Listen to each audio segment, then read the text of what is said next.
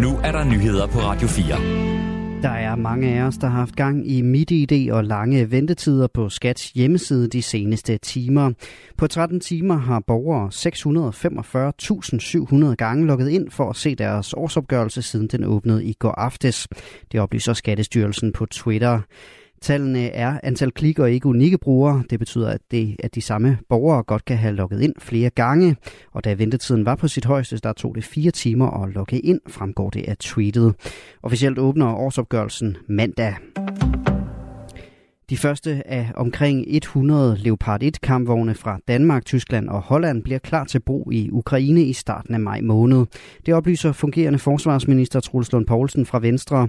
I første omgang skal kampvognene bruges til træningsmissioner med ukrainer ombord.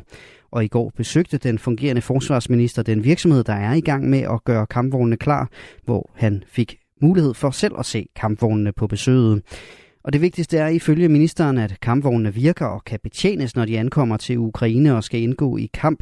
Derfor ankommer ikke alle Leopard 1-kampvognene til Ukraine på én gang. Vi kan forvente, at vi kan levere et sted mellem 80 og 90 kampvogne her i løbet af 2023 og de vil blive leveret øh, kontinuerligt, fordi at de skal indgå i træningsaktiviteter med de ukrainske soldater, der skal benytte dem. Og derfor øh, kommer vi til at se, at de bliver leveret i en, en, en lang række delmængder øh, fra omkring starten af maj og så øh, resten af året. I starten af februar meddelte regeringen, at der var blevet indgået et samarbejde med Tyskland og Holland om istandsættelse og donation af mindst 100 Leopard 1 kampvogne til Ukraine. I dag er det tre år siden, at coronavirus lukkede Danmark ned for første gang. Men i dag er mundbindet væk, håndtrykket er tilbage, og vi krammer igen. Og vi køber langt mindre håndsprit, er meldingen fra supermarkedskæderne Coop og Selling Group, det skriver DR.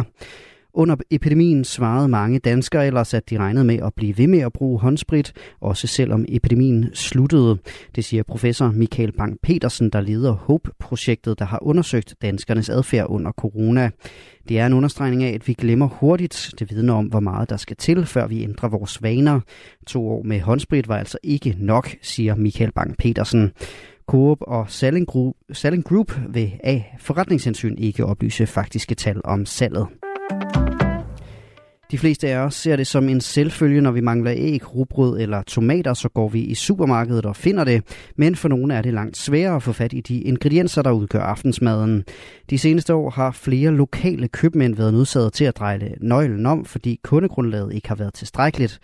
Men op i resterne fra supermarkederne er der opblomstret et nyt butikskoncept, som hver måned udvider rundt om i Danmark, og det er de ubemandede butikker, som nogle gange er i en container hos Retail 360 Box Solution, der netop tilbyder en komplet butiksløsning med indgangssystem, overvågning, alarm og kassesystem, oplever de, at der hver måned skyder omkring 10 nye ubemandede butikker op. Medstifter og direktør Mads Lønge Laversen fortæller, at løsningen især er populær, fordi det er en billig måde at drive en forretning.